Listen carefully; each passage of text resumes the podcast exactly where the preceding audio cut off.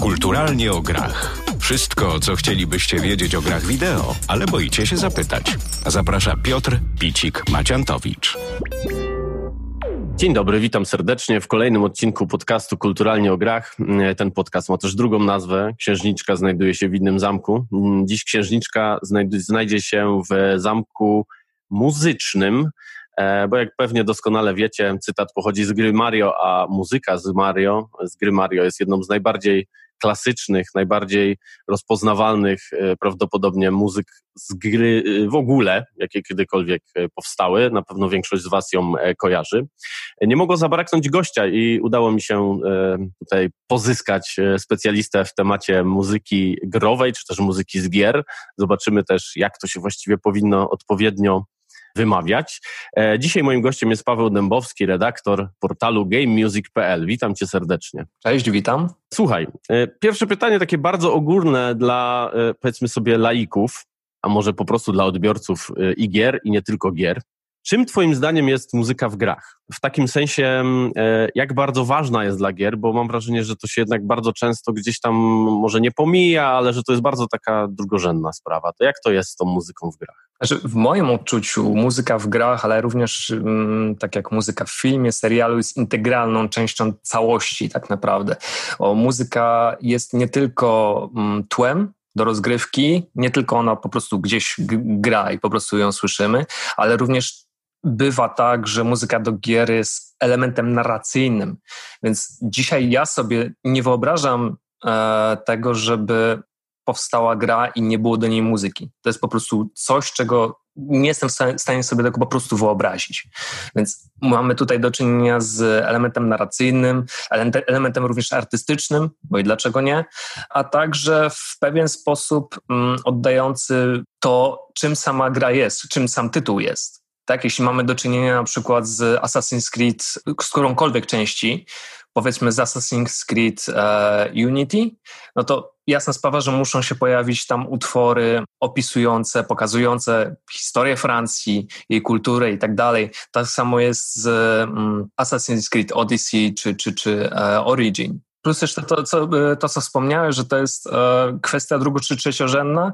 W pewnym sensie mógłbym się zgodzić, w pewnym sensie również nie, ale to mm, nie wiem, to może w dalszej, w dalszej części naszej rozmowy może, może to się rozwinie. Myślę, że na pewno, bo ja tu jeszcze mam bardzo dużo ciekawych rzeczy a propos tego, bo jednak cały czas mam wrażenie, że, e, że właśnie, że ta muzyka, zwłaszcza w grach, ale nie tylko w grach, bo tak jak wspomniałeś, generalnie w tak zwanych dziełach kultury, nazwijmy to audiowizualnej, no jednak gdzieś tam e, z jednej strony, tak jak powiedziałeś, jest bardzo ważna, bo wprowadza w ten klimat. Są mhm. bez dwóch zdań jakby dzieła takie, gdzie e, mam wrażenie, ta muzyka nawet wychodzi na, na czoło Przynajmniej przy filmach mamy taką sytuację. A, a czy jesteś w stanie jakby... Mm, może wychodzi konkret... nawet, jeśli mogę, jeśli mogę mhm. chwilkę przerwać, czasami bywa tak, że muzyka wychodzi ponad swoją rolę.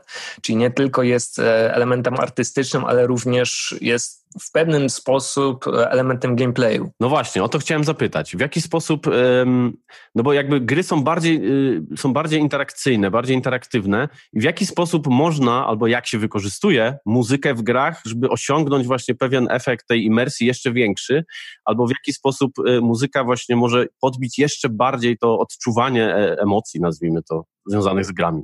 Chyba najlepiej będzie to przedstawić na przykładzie. E, takim najświeższym, najlepszym e, przykładem jest Untitled Goose. Tak, czyli e, gęś bez nazwy, tak to chyba można mm -hmm. przetłumaczyć bez na tytułu, polski. Tak. Bez tytułu, tak. E, jeden z najfajniejszych, jedna z najfajniejszych gier, w jaką grałem. I tam warto zwrócić uwagę na to, na to, w jaki sposób ta muzyka jest odgrywana. Tak? Mamy jakieś dźwięki fortepianu, które mm, grane są w tle, ale w momencie, kiedy ta gęś podchodzi na przykład do pewnego elementu otoczenia, którego chce zabrać, ta muzyka najpierw jest jak gdyby spokojniejsza, opisuje za pomocą dźwięku to, w jaki sposób ta gęś po prostu się skrada do tego elementu, a kiedy ją zabiera i ta gęś ucieka, no to ta muzyka staje się coraz bardziej intensywna e, i po prostu opisuje, pokazuje w jaki, może inaczej, za pomocą dźwięku opisuje, w jaki sposób ta gęś ucieka. To jest właśnie, to jest właśnie jeden z najfajniejszych przykładów. To, że... Czyli możemy zamknąć oczy i nadal widzimy tą gęś, jak ona zaczyna biec albo się skradać. Dokładnie, widzimy, te, widzimy uszami, jeśli tak mogę powiedzieć. Okay. Widzimy uszami, w jaki sposób ta gęś po prostu ucieka, tak? Czyli te dźwięki są bardziej, bardziej dynamiczne i po prostu wiadomo, o co w tej grze chodzi. Drugim takim chyba najfajniejszym przykładem jest The Legend of Zelda Breath of the Wild, gdzie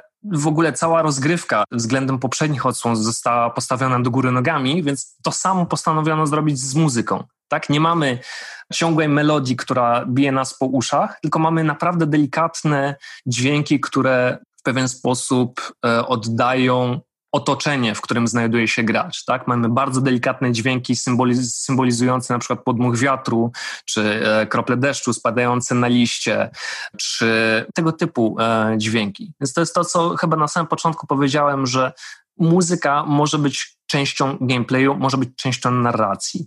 Więc to, co zostało przez Ciebie również powiedziane, gry jako medium interaktywne, gry są medium przede wszystkim interaktywnym. I muzyka nie ogranicza się tylko do tego, żeby była gdzieś ogrywana w tle, ale również bierze czynny udział w tym, co robi e, gracz na ekranie. Okej, okay. powiedz mi jeszcze, bo a propos tej drugo- i trzeciorzędności, że tak powiem, jak jest z twórcami gier, e, e twórcami gier, twórca, twórcami muzyki do gier, bo no, ostatnimi czasy, choćby przy, przy premierze właściwie zapowiedzi nowego Far Cry'a, już widzimy, że nazwiska tutaj są bardzo duże, ale jak to jest? Czy faktycznie tutaj trochę e, w cudzysłowie chcę powiedzieć, czy nie robienie e, muzyki do gier to nie jest jakaś taka dla twórców, e, wiesz, no praca po godzinach, drugorzędna, że jednak to jest takie, tak, tak, tak trochę jak to, jak to w mainstreamie nadal gry się jednak traktuje, jako taką trochę, mhm. wiesz, zabawkę dla, dla, dla dzieciaków. Czy, czy jakby twórcy muzyki w tym przypadku podchodzą też tak do tego, czy jednak już się, że tak powiem, wyedukowali i wiedzą, że to, że to nie jest wcale zabawa, że tak powiem?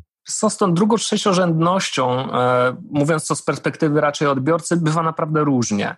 E, my pisząc teksty mm, na gamemusic.pl piszemy je dla ludzi, którzy doceniają muzykę w grach, wiedzą czym ona jest i to są również ludzie, którzy chcą w przyszłości związać swoją karierę z sound designem, z muzyką do gier i tak dalej, i tak.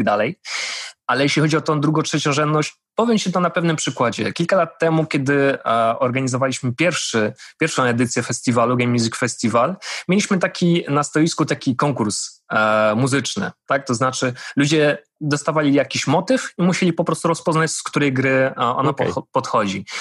I robiłem naprawdę wszystko, żeby ludzie wygrywali, bo mieliśmy cały worek jakichś prezentów, e, które chcieliśmy rozdać, więc patrzyłem na kogoś i próbowałem rozpoznać, ok, więc ten pewnie zna się na grach retro, więc puszczę mu motyw z Mario, ten zna się na RPG, więc puszczę mu, nie wiem, Oblivion albo coś w tym rodzaju. Dragon Age. No, na przykład.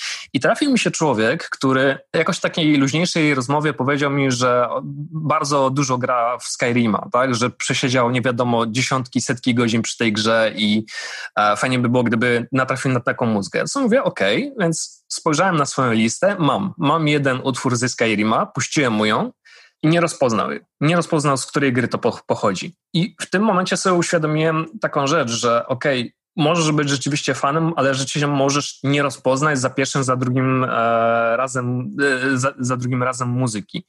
Więc z Skyrimem jest taki problem, że jest to jeden z najpopularniejszych tytułów, jeden z, z najpopularniejszych gier RPG, zwłaszcza wśród fanów gatunku, ale jeśli chodzi o rozpoznanie muzyki, no z tym bywa ciężko. Tak? Wszyscy znają motyw przewodni. Nawet ci, którzy nie grali nigdy w Sky Skyrima, bądźmy szczerzy, tak, tak. ale gdyby im puścić motyw, jakąś melodię, która pojawia się gdzieś w środku soundtracku, no to z tym mają duży problem. Więc jeśli chodzi o tę drugą, drugą trzeciorzędność, chyba wszystko zależy po pierwsze od tytułu, a po drugie to w jaki sposób i my gramy w gry.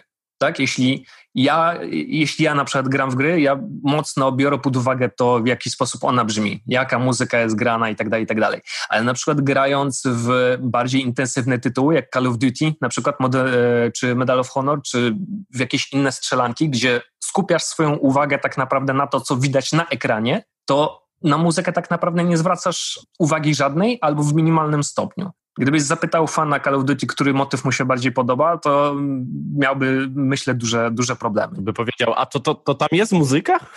No, jest, jest. To może ludzi zdziwić, ale tak jest. Więc z tą drugą, trzecią rzędnością mówię, wszystko zależy od tego, w jaki sposób ludzie podchodzą do muzyki, do gier. Bywa tak, że grają w jakieś spokojniejsze tytuły, ale też nie są w stanie rozpoznać jakichś, jakichś konkretnych melodii. Więc wszystko tak naprawdę zależy od podejścia człowieka do, e, do danego tytułu. A jeśli chodzi o samych kompozytorów, nie spotkałem nigdy takiego, który, powie, który stworzył swoje dzieło na, za przeproszeniem na odwalsie tak? Do każdego swojego dzieła podchodzą z sercem, niezależnie od tego, co by, co by to było. Czy to jest jakiś AAA, czy jakiś indyk, czy nawet jakiś, jakaś gra na telefony komórkowe. Zawsze do tego podchodzą z sercem, zawsze starają się jak najlepiej e, wpasować w oczekiwania, czy to swoich przełożonych, czy to graczy, czy również swoich własnych. Okej, okay, czyli, czyli tak naprawdę ym, wszystko, ten odbiór zależy po pierwsze od intensywności rozgrywki, że tak powiem, to co powiedziałeś. Mm. Po drugie, ym, bo, bo ja mam taki problem czasami właśnie z muzyką w RPGach, że ona jest taka generyczna strasznie. W sensie wiesz, że jakby gdzieś to już słyszałem, to jest trochę to samo, co już było, zwłaszcza właśnie od Bethesdy i to Oblivion, mm -hmm. Skyrim i tak dalej, no że ta muzyka jednak oczywiście ma swój klimat do danego świata, powiedzmy, mm -hmm. ale jednak ja też tak podejrzewam, że miałbym to samo. Co prawda w, w, w Skyrima tak dużo nie grałem, ale w Obliviona grałem, o Jezu, bardzo dużo. powiem ci, że pewnie bym też nie rozpoznał tej muzyki, ja też, wiesz, słuchawki, yy, wiesz, tak, tak wkręcałem się w to. To jest akurat prawda, to jest akurat prawda. To są, takie gatunki, czy są nawet całe serie, yy, że jak włączysz je, to po prostu okej, okay, nie rozpoznaję jednego od drugiego. Yy, mieliśmy niedawno taką dyskusję a propos tego, czy muzyka z trzeciego Baldur's Gate'a nie przypomina Divinity na przykład, bo nasz kolega redakcyjny e, przesłuchał kawałek ścieżki dźwiękowej z trzeciego Baldura i mówi, ok, Brosław robi to samo, co robi przy Divinity. No to, tak. wszystko zależy, to wszystko zależy tak naprawdę po pierwsze od inwencji twórczej, samego kompozytora, a także od tego, jakie, e, jak dużą swobodę twórczą on posiada. Bo jeśli chodzi o powstawanie muzyki, no myślę, że najlepszą, najlepszymi adresatami są sami kompozytorzy muzyki, ale w większości przypadków wygląda to w ten sposób, że kompozytorzy są w stałym kontakcie z zespołem, tak? To znaczy kompozytorzy dostają konkretny fragment gry i na jej podstawie e, dostają również wskazówki od game designera, od reżysera, scenarzysty, od kogokolwiek, kto zajmuje się taką warstwą e, mm, artystyczną, techniczną i na podstawie tych wskazówek muszą po prostu działać, tak? I dopasować to, co tworzą i do obrazka, i do tego, e, czego oczekują od nich podwładni. To jest pierwsza metoda, a druga metoda to jest pełna swoboda twórcza kompozytorów. I jedną z, tak, jedną z takich e, osób jest Austin Wintory, który powiedział, że przy okazji m, mm, tworzenia muzyki do m, mm, Banner Saga dostał pełną dowolność tego, co ma, co ma robić. Zapytał po prostu swoje kierownictwo, ok, jaką muzykę chcecie usłyszeć, a on w odpowiedzi usłyszał, że wszystko jedno, po prostu twórz, rób co chcesz, rób co chcesz, e, twórz, to jest twoje dzieło, masz pełną dowolność, wolną rękę, e, rób co ci się podoba. I rzeczywiście tworzył tę muzykę, minęło ileś miesięcy, pokazał swoje dzieło e, kierownictwu, im się to oczywiście spodobało, ale jeszcze na wszelki wypadek zapytał ich, ok, czy to jest na pewno to, co chcecie usłyszeć, czy mamy coś zmienić, cokolwiek. A oni powiedzieli, nie, nie, nie, nie, spokojnie, rób, rób swoje. Więc Austin miał e, rzeczywiście wielką, do, wielką dowolność miał wolną rękę w, to, e, w tym, co robił i można powiedzieć, że mu się poszczęściło, ale z drugiej strony to jest też pułapka. Tak? Jeśli taki e, autor otrzyma pełną dowolność i stworzy muzykę, którą pod koniec kierownictwo, e, szefowie, e, czy w ogóle jego, jego przełożeni e, uznają, że jest nieodpowiednia, zła i trzeba wszystko, wszystko robić tak naprawdę od zera, no to, to, to nie jest, jednak nie jest dobra praktyka i tak, tak, tak to wychodzi. Natomiast to, o czym kompozytorzy muszą wiedzieć, tworząc muzykę do gier, to to, że to jest medium interaktywne, tak? Czyli to nie jest tak jak z filmem, że mamy e, gotowy scenariusz, e, wszystko odbywa się w sposób linearny. To, że jeśli cofniemy wideo do tyłu, to pojawi nam się zupełnie inny obraz. Nie, nie, nie, nie. Cały czas puszczając tak naprawdę to samo. W przypadku gier to to jest co, to, to, co wcześniej powiedziałeś, tak? Trzeba zaplanować osobną muzykę do karczmy, osobną muzykę do odwiedzania innych zakątków, innych dungeonów i tak dalej, i tak dalej, więc i to, co kompozytorzy muszą pamiętać, ci, którzy przechodzą z filmu, serialu e, do gry, to jest takie całkowite, no może nie całkowite, ale w pewien sposób muszą zmienić swój, e, swój sposób myślenia, swoje postrzeganie muzyki e, jako takiej. Tak? Nie tworzą do linearnego dzieła, tylko tworzą do czegoś interaktywnego, do czegoś, co żyje swoimi jak gdyby prawami. Wszystko to, co znajduje się na ekranie, zależy w dużej mierze od tego, jak postąpi gracz. Mogą być również i takie sytuacje, kiedy kompozytor stworzy jakiś utwór do jakiegoś dungeona, czyli do jakiegoś lochu, którego gracz nawet, no cóż, nie zobaczy, nigdy go nie odwiedzi. Tak też może się coś takiego zdarzyć, więc musi mieć gdzieś z tyłu głowy, że tworzy muzykę do zupełnie innego medium niż do tego, którego, e, do którego jest przyzwyczajony. Czyli jakby e, porównując to do filmu jeszcze raz, to w filmie mamy do czynienia z zamkniętą jakby całością muzyczną, podczas gdy w grach jakby no to jest mocno pocięte, potem jakoś klejone, te przejścia muszą być płynniejsze i to musi być dostosowane jakby do, do medium. Dokładnie, dokładnie. Bywają oczywiście takie e, serie jak Syberia, gdzie masz muzykę, która gra w, e, w backgroundzie, która so, przy okazji jest e, prześliczna, przepiękna, polecam jak najbardziej, ale są takie gry, gdzie naprawdę trzeba myśleć trochę bardziej jak inżynier, może w ten sposób. Weźmy jako przykład Wiedźmina trzeciego. Mamy scenę, w której Geralt po prostu e, chodzi po łące, jest sielankowa wręcz atmosfera, jest przyjemna e, muzyka gra gdzieś w tle i nagle spotyka jakiegoś stworo. I nagle słychać, jak ta sielanka powoli e, przeistacza się w taką mm, bardziej dynamiczną melodię, bardziej dynamiczną muzykę, taką nastrajającą do akcji. Tak? Nie mamy takiego przejścia jak Final Fantasy, że pojawia się zupełnie nowy ekran i nagle pojawia się zupełnie nowa muzyka. Nie, nie, nie, nie. nie. Tu mamy jak gdyby bardzo płynne przejście z jednej melodii do drugiej. Jest wręcz ona niesłyszalna. To przejście jest niesłyszalne. To jest po prostu świetnie, świetnie zrobione, świetnie skomponowane. Marcin Przyłowicz zrobił naprawdę świetną rzecz. I to samo e, gra w drugą stronę. Tak? Jeśli walka się kończy, to nagle mamy płynne przejście znowu do tej sielankowej, e, płynnej atmosfery. Więc trzeba mieć po prostu na uwadze to, co wcześniej powiedziałem. To jest zupełnie inne medium, trzeba po prostu działać troszkę inaczej niż, niż w takim e, linearnym, medium jak film czy serial. E, okej, okay. pozostając przy tych kompozytorach, mam takie pytanie, że a, może nie personalne, ale e, a propos ludzi konkretnie. Czy to jest tak, że jednak tą komponowaniem do muzyki do gier zajmuje się jakaś taka, nie wiem, zamknięta grupa, że powiedzmy, że ktoś się określa, a ja tu jestem kompozytorem muzyki do gier i raczej nie robię muzyki do czegoś innego, albo nie wiem, ani do filmów, ani jakiejś swojej autorskiej. Mhm. Czy zupełnie tak nie jest? Czy to jest jakiś taki świat, który się całkowicie miesza, i ci ludzie gdzieś tam krążą pomiędzy różnymi działkami muzyki. To jest naprawdę bardzo, bardzo zróżnicowana grupa. Część stanowią osoby, o których mówiliśmy wcześniej, czyli to są osoby, które przeszły z filmu, serialu do gier.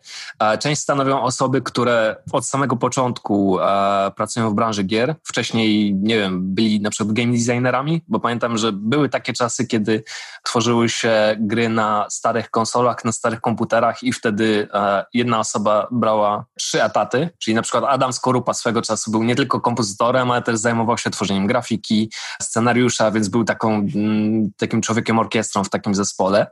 I tutaj też to mniej więcej e, tak, tak to wygląda, że ktoś wcześniej był na przykład game designerem, a później jakoś sam z siebie stał się e, kompozytorem. Ale też bywają takie funkcje łączone. Akira Yamaoka na przykład jest game designerem, stworzył Silent Hill, ale też stworzył muzykę do niej. Więc to nie jest jakaś taka zamknięta mm, grupa, mm, tak jak powiedziałaś pod tytułem, my to jesteśmy kompozytorami muzyki do gier i tyle. Myślę, że w tej grupie każdy tak naprawdę może, może się znaleźć. Ja mam taką teorię również dotyczącą samej gier, że w dzisiejszych czasach technologia tak bardzo poszła do przodu, że dzisiaj każdy może stworzyć swoją własną grę, od zera, nie pracując nawet e, wcześniej w branży, nie, nie mając z nią nic wcześniej wspólnego. I myślę, że tak samo jest z muzyką. Ja widzę, pisząc teksty dla Game Music, widziałem kariery takich osób, które zaczynały naprawdę od zera.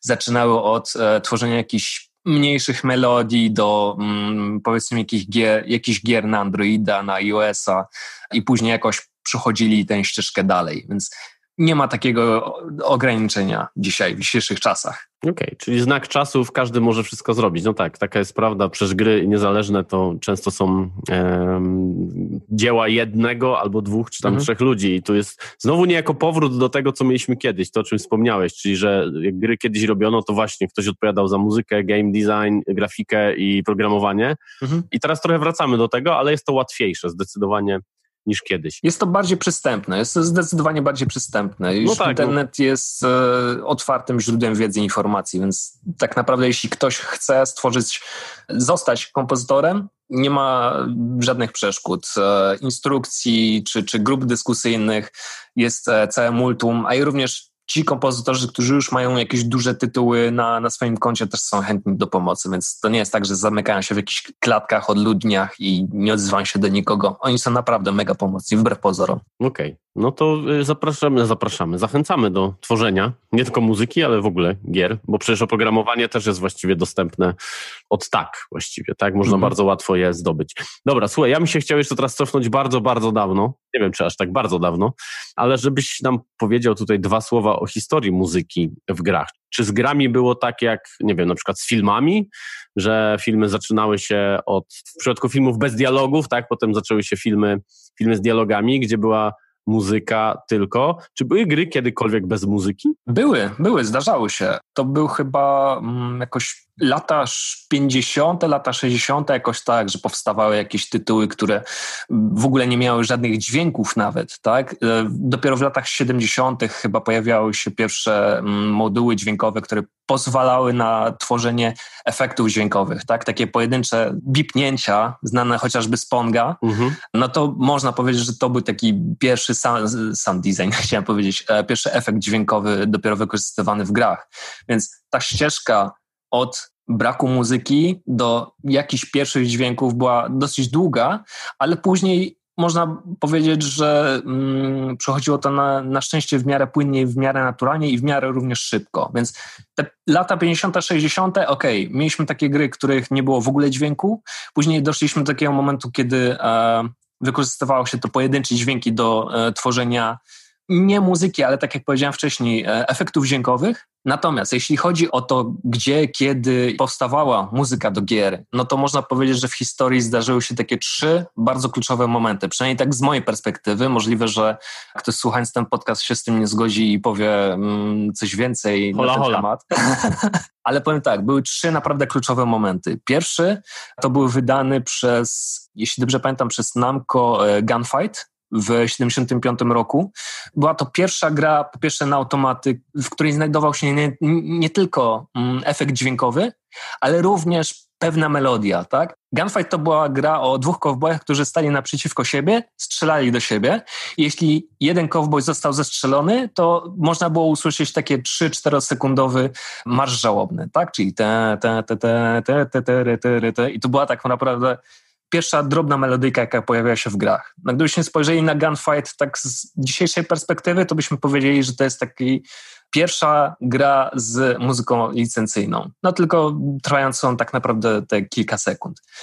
Drugim kluczowym krokiem był Pac-Man. To tam pojawił się, jeśli dobrze pamiętasz, między jedną a drugą planszą pojawiła się taka krótka melodyjka, taka bardzo tak. charakterystyczna tak, dla tak, Pacmana.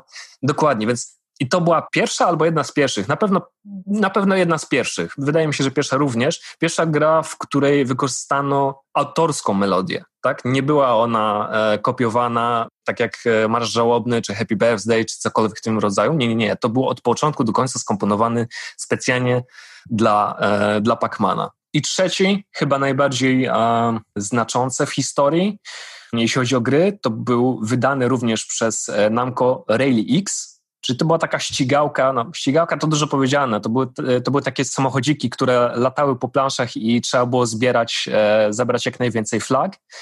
To było o tyle szczególne, ponieważ to była chyba pierwsza gra, w której pojawiła się melodia grająca gdzieś w backgroundzie. Więc jechałeś tym samochodzikiem i słyszałeś tę melodię. Osobiście uważam, e, wcześniej, ani wcześniej e, nie, nie znalazłem takiego innego tytułu, uważam, że Rally X był prekursorem, jeśli chodzi o e, pojawienie się soundtracku w grach wideo. Więc to był rok e, chyba 1980, jeśli dobrze pamiętam. Więc 80, 81 to, był, to już był taki przełom, że powoli pojawiało się, pojawiała się muzyka, pojawiła się melodia w grach. Czyli e, od lat 80. właściwie zaczęło się coś dziać w tej kwestii w grach. No, mhm. Na dzień dzisiejszy wiemy, jak sprawa wygląda. Wielkie produkcje, orkiestry e, i tak dalej, i tak dalej. Ale tutaj też właśnie chciałem się zatrzymać przy tych orkiestrach, tudzież nie orkiestrach, bo jeżeli chodzi o gry, mamy ich bardzo wiele. Mają one różne klimaty, różne tempa, różne e, podejście do tej sfery wideo, czy do tego, jak te gry wyglądają. No i co za tym idzie, pewnie też podejście do tej sfery audio. Powiedz mi, jak bardzo może to jest pytanie y, jakby za szerokie, ale jak bardzo różnorodna jest muzyka w grach? Bo no mamy teraz powrót do, do tej estetyki retro, więc y, siłą rzeczy muzyka też wraca do tej estetyki retro, ale jakby ta estetyka retro, przynajmniej wideo, jest troszeczkę oszukana, tak? To nie jest do końca ośmiobitowe granie. Czy w przypadku muzyki jest podobnie? Czy ta muzyka też jakby nawiązuje tylko do, tych, do, do tego, co było kiedyś, czy, czy faktycznie jest tworzona tak jak kiedyś?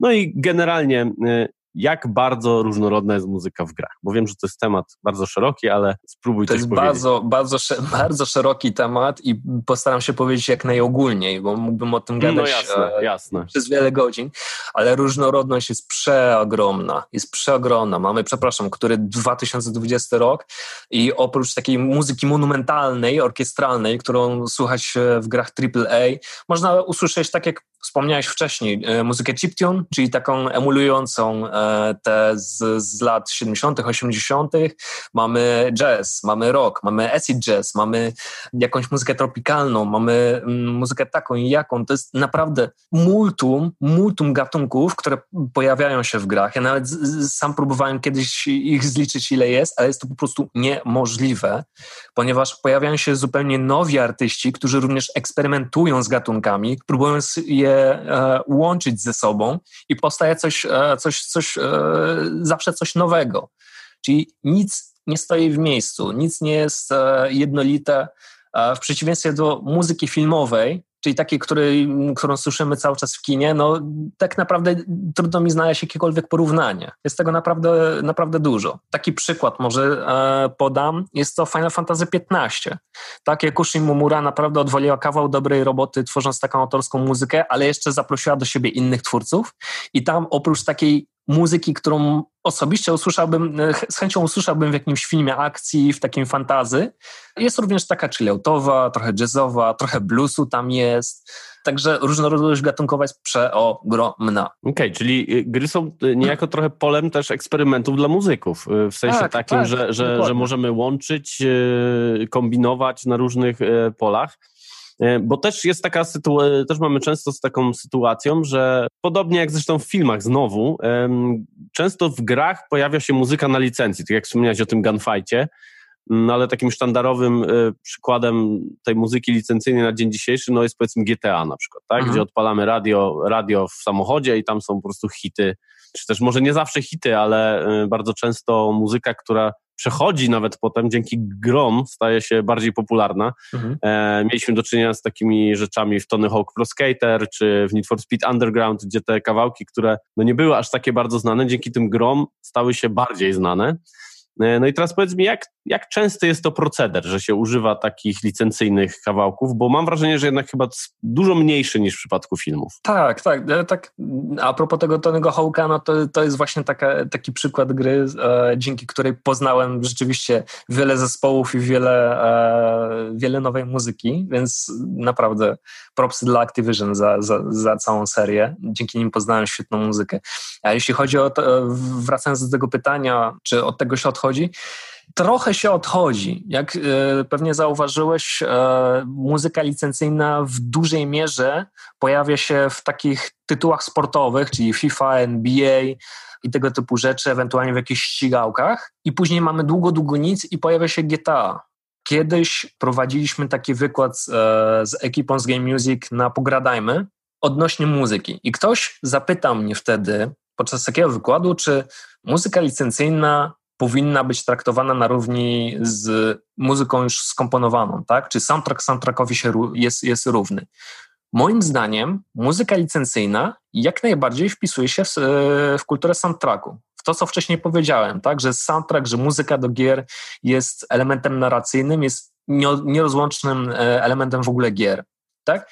Wspomniałeś e, serię GTA. Muzyka do GTA Vice City uważam, że po pierwsze jest najlepsza z całej serii, bądźmy szczerzy, a po drugie w pełni oddaje klimat e, i całą otoczkę związaną z GTA Vice City. W którym roku e, ma miejsce GTA Vice City? To są chyba lata 60., 70., 80. 80 jakoś. Dokładnie, więc włączasz radio i masz przeboje lat 70-80. No, how cool is that? Przy okazji e, o jednej rzeczy też trzeba wspomnieć, że GTA od trójki w górę należy do tego typu gier, które nie ma muzyki w backgroundzie. Tak? Żadna melodia nie, nie, gra, nie gra w tle. Po prostu twórcy uznali, że, że to po prostu nie wpisuje się w koncept całej gry. Tak? Jeśli ich koncept na grę polegał na tym, że ok, muzyka tak, ale pojawi się tylko w określonych miejscach. Na przykład jak wejdziesz do baru, do restauracji, albo jak wejdziesz do auta, odpalisz muzykę. Tam dopiero jest grana muzyka. Czyli z jakiegoś źródła jakby prawdziwego w grze po Dokładnie, prostu. dokładnie, realnego, tak? No w życiu niestety nie mamy soundtracku. Życie nie ma soundtracku, niestety. E, Oj, na ten temat możemy tak, podyskutować. możemy. I uznali, że tak, tak pewnie będzie najlepiej. Jasna sprawa, więc i moim zdaniem, powtórzę, powtórzę to, co powiedziałem e, na samym początku, muzyka licencyjna e, również jest e, nierozłącznym elementem gier. W zależności od tego, w jaki sposób i gdzie zostanie, zostanie użyty. No tak, no bo bądźmy szczerzy, GTA bez muzyki byłoby puste. To nie byłoby GTA. To no nie dokładnie. Bez, bez, tych, ale tu oczywiście zgadzam się z tobą, że Vice City generalnie dzieli i rządzi muzykę z GTA, mm. aczkolwiek z większości tych tych tytułów polecamy soundtracki, ale teraz słyszałem niedawno o takiej dziwnej sytuacji, że kończy się licencja na utwory z GTA któregoś, mhm. z trójki chyba. Tak. I że może się to skończyć tak, że, że co, że te utwory znikną z gry? Że to chyba z San Andreas, chyba San Andreas kiedyś była taka afera, to musiałbym sobie przypomnieć. To już chyba zależy od, e, od tego, Umów, jak wydawca... Pewnie. Możliwe. E, to chyba zależy od tego, co Rockstar ustali z wytwórnią, która ma prawa do utworów. Możliwe, że weźmą, wezmą jakieś inne utwory i je po prostu zastąpią. Albo po prostu znikną i, I soundtrack będzie, będzie, będzie luźniejszy. soundtrack będzie luźniejszy, dokładnie, dokładnie. Dobra, słuchaj, ja jeszcze bym powrócił do, tego, do tych różnych klimatów na chwilę i chciałem cię zapytać o jakieś takie naprawdę najbardziej porąbane soundtracki, z jakimi miałeś do czynienia. w jakim sensie porąbane? Takie y, muzycznym, muzycznym. W sensie, że wiesz, że jakieś najbardziej eksperymentalne historie, najbardziej odjechane dźwięki, y, wiesz, jakieś, jakieś kurcze ambienty, jakieś dziwne rzeczy po prostu, dziwnie muzyczne rzeczy. Takie dziwno muzyczne, uh, okej, okay. uh, taki jeden, jedyny tytuł, jaki przychodzi mi do głowy, to jest Hotline Miami naprawdę, kiedy gra się w samą grę i jeszcze słucha się tej muzyki, to czuję się jakbym był na kwasie. Chociaż nigdy go nie brałem, ale jednak tak sobie wyobrażam, że tak, tak ludzie reagują na kwas. To jest po prostu to.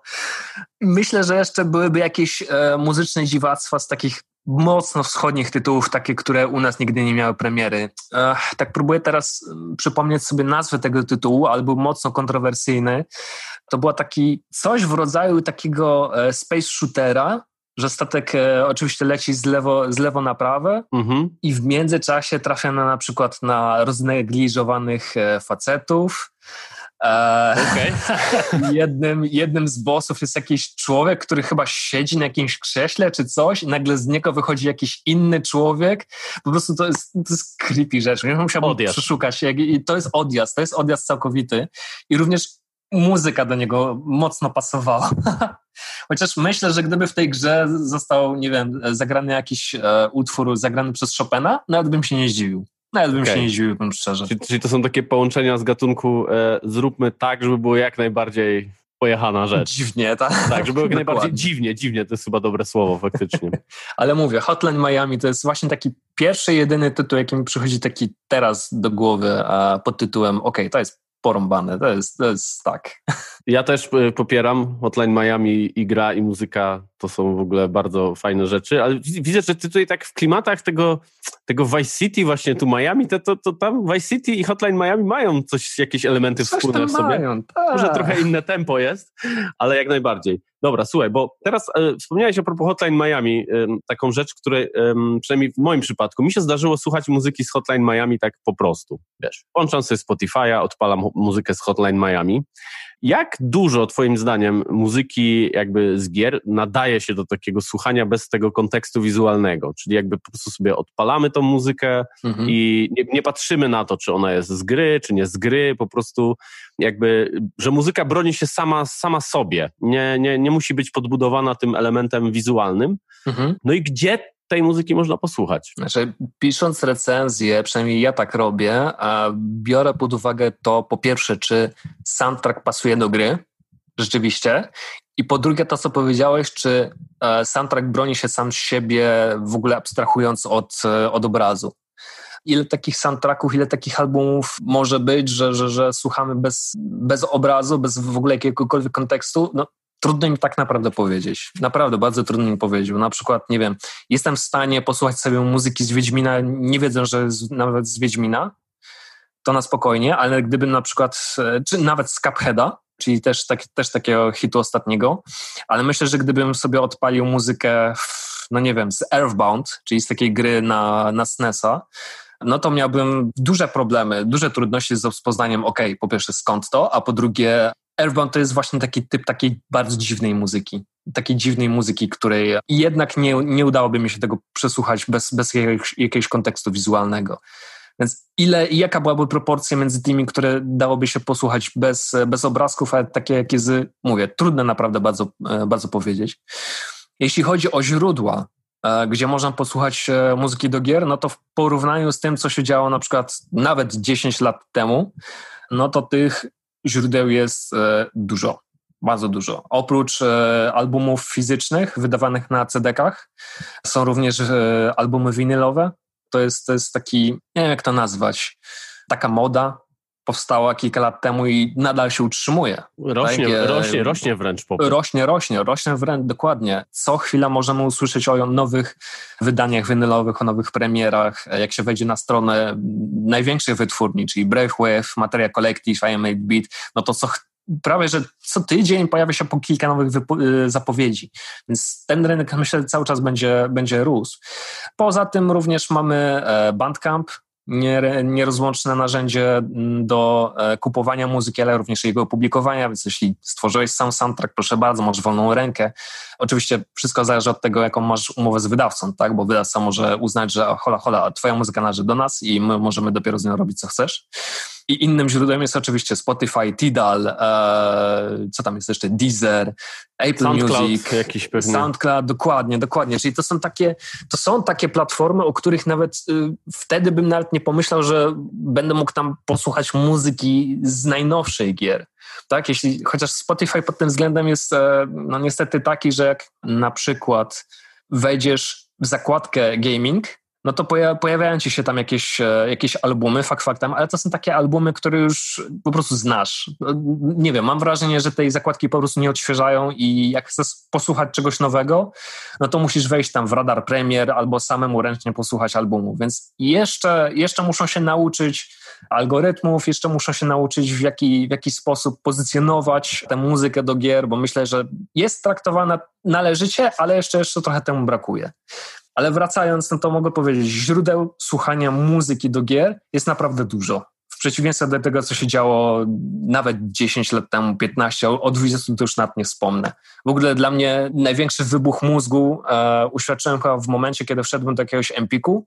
Poszedłem do regału z płytami CD do działu z soundtrackami. Tam głównie były oczywiście filmy, seriale i tak dalej, ale w pewnym momencie dostaję co? Dostaję album z muzyką do God of War. No w życiu bym nie przypuszczał, że coś takiego e, kiedykolwiek zobaczę. Czyli e, fizycznie e, właśnie też jakby można to kupować, ale mówisz, że to jest jeszcze póki co taki no bo, mocna nisza, tak? Czy, czy nie do końca? Czy właśnie, że jakby to... No właśnie, właśnie, właśnie ja mam z tym problem. Czy ludzie odchodzą od słuchania muzyki na płytach, w ogóle generalnie, nie tylko o CD-kach mówię, ale w ogóle mówię o, również o winylach i tak dalej, bo winyl to jest, tak jak powiedziałem, moda, mm, może jakaś rzecz fajna do kolekcji, czy, czy, czy bardziej już odchodzą do słuchania muzyki cyfrowo. No, na to pytanie naprawdę trudno mi odpowiedzieć. To jest trochę jak z kupowaniem, z kupowaniem gier, tak? Tak, tak. Są, są wydawcy, którzy powolutku, powolutku mm, wycofują się z wydawania gier w, na fizycznych nośnikach i trochę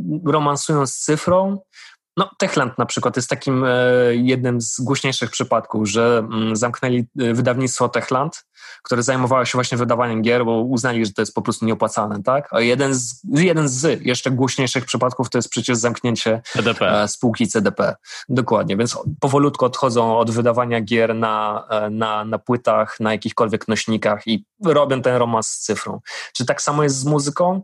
Tu właśnie to jest, to jest jeszcze ta rzecz, o której trudno mi powiedzieć. Bo jak pojawiają się nowe gry, to widzę na przykład na w opisach, czy na Kickstarterze, czy nawet bezpośrednio na stronach, że zostanie wydana gra, a jednocześnie będziecie mogli e, kupić muzykę. Czy to na Bandcampie, czy na, na, jakim, na jakiejkolwiek innej platformie cyfrowej. Ale cyfrowo. Ale czy na cyfrowo.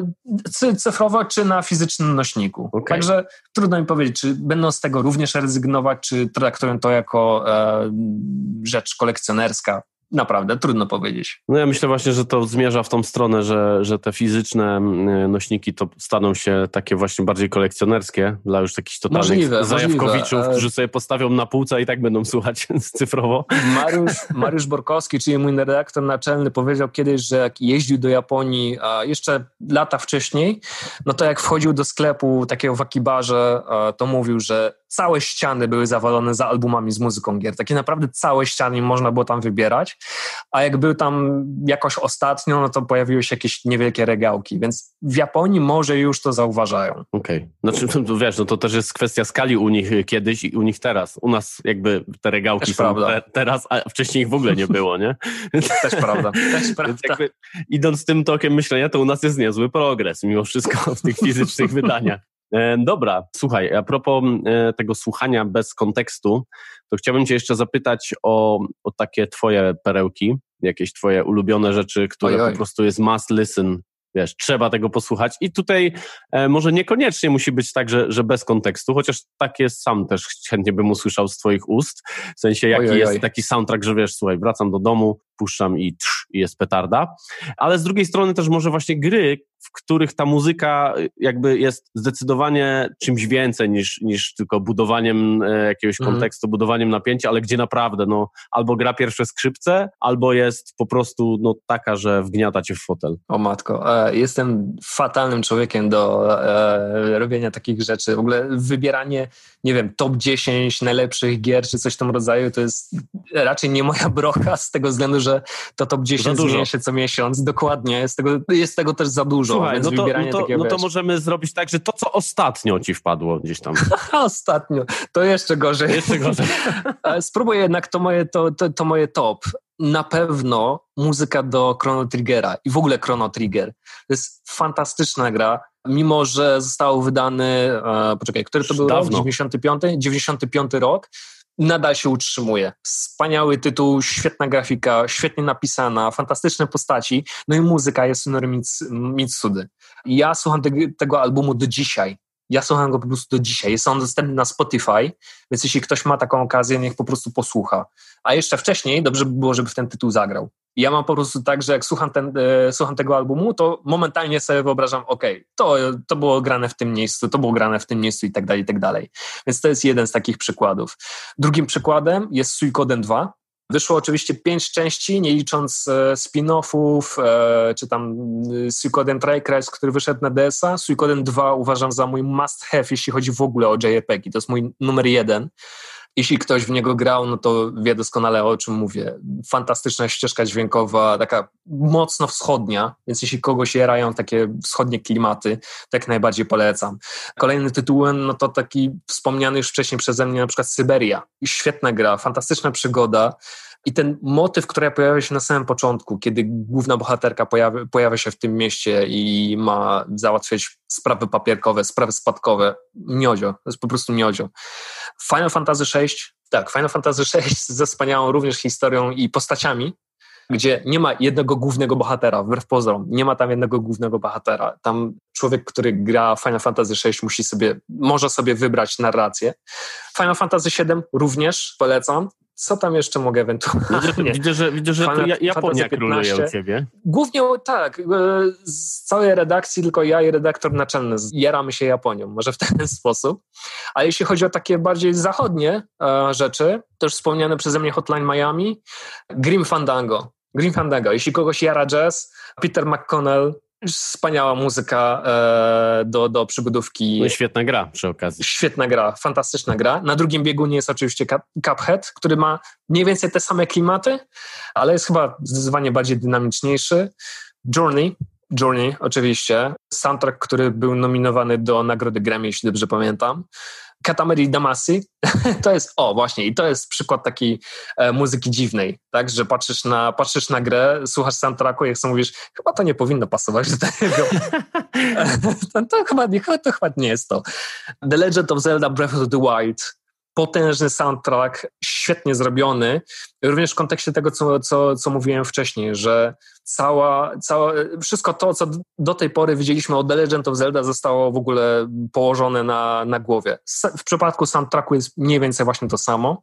Shadow of the Colossus, z jednej strony mamy bardzo spokojne melodie, e, wręcz nic nie zapowiadające, a z drugiej mamy potężne, monumentalne, orkiestralne brzmienia. Przy walkach z bossami. Przy walkach z, tak, z wielkimi olbrzymami. Streets of Rage. I myślę, że tutaj o, e, dwójkę, dwójkę mogę polecić jak najbardziej. Dwójkę mogę polecić, a jeśli ktoś, ktoś słuchał, to, to dobrze. jeśli ktoś grał, to też to jeszcze lepiej.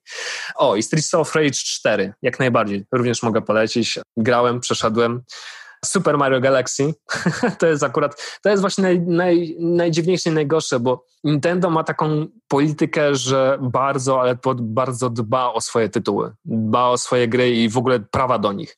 Tak? Czyli jeśli zdarzy się, że jakaś gra otrzyma soundtrack wydany na, albumu, na albumie, no to, to już jest święto. To już jest duże święto. Tak, samo, tak było na przykład z The Legend of Zelda Breath of, the Wild. W końcu wyszedł na albumie i w końcu e, miał okazję go sobie nabyć. W przypadku Super Mario Galaxy no to tak e, drugą drogą, trzecią ręką można gdzieś posłuchać e, w internecie, ale myślę, że warto. Undertale również. Toby Fox w pojedynkę stworzył całą grę, a muzykę, do której stworzył, no to tak mm, nawiązuje po trochę do 8, 8 do, 6, do, 8 do 16-bitowej ery, ale naprawdę ma takie utwory, które zapadają w pamięć e, z megalowanią e, na, na samym szczycie. No i oczywiście Wiedźmin trzeci, jak najbardziej. Marcin Przybułowicz. Bastion również. Mówię, tej muzyki powstało tyle, powstało zdecydowanie za dużo, więc wymienić takiego, takie top 10 to jest po prostu niemożliwe. Ja mogę tak po prostu siedzieć i sobie wymieniać, tak? O, może jeszcze lepiej, może jeszcze lepiej. Ja mogę po prostu mieć taką listę gier i powiedzieć, o, okej, okay, z tego muzyka była fajna, z tego była fajna, z tego może nie, z tego może nie, o, to jest świetna rzecz.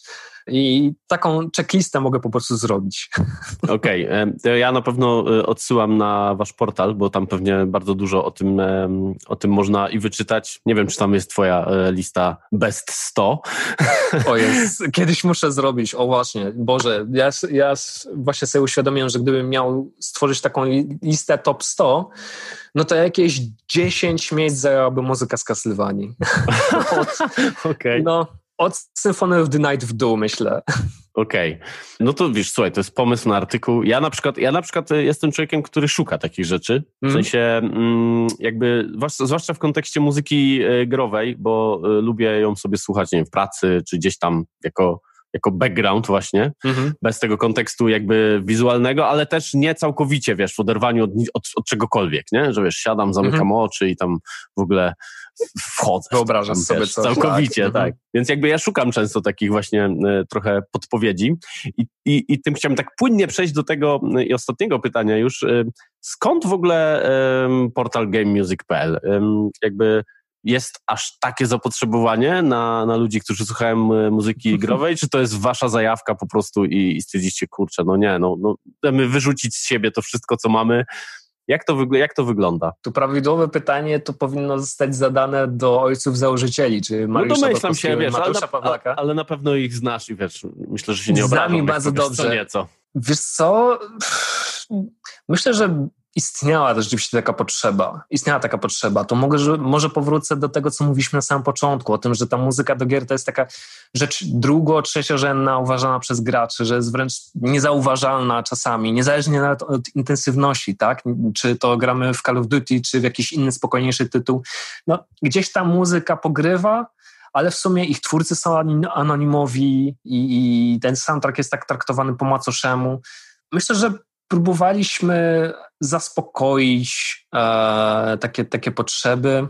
Znaleźliśmy po prostu taką niszę ludzi, którzy szukali takiego miejsca, gdzie mogliby posłuchać, poczytać o muzyce do gier, o czymś, co jest tak naprawdę bardzo ważne takich portali, takich serwisów e, gamingowych jest w Polsce dużo. Jest po prostu ich bardzo dużo i czasami trudno odróżnić jedno, jedno od drugiego. A takich portali traktujące o muzyce do gier, o kompozytorach, o artystach, o ludzi, którzy mają e, głowę pełną pomysłów i chcieliby się tymi pomysłami po prostu podzielić z innymi twórcami, no takich miejsc nie ma za dużo. Nie ma, nie ma za dużo. Myślę, że gdyby mm, ktoś stworzył portal poświęcony również e, grafice do gier, czy game designowi, czy level designowi, bo wiem, że nawet takie podcasty są, to myślę, że też trafiłoby to na, na, na, pewno swoją niszę. Ale muzyka, muzyka do gier to jest taka bardzo integralna część, chyba jedna z najważniejszych, która buduje nastrój, napięcie, która również bierze udział w narracji gry. Myślę, że po prostu, po prostu chcieliśmy tak, stworzyć takie miejsce, które promowałoby muzykę do gier. Nie tylko byśmy o niej pisali jako kolejnym newsie, kolejne recenzje, tylko promowalibyśmy muzykę do gier, czyli coś, co sprawić, żeby ten element, który jest trzecio, drugorzędny, był, znalazł się na, na równi z innymi e, elementami gier.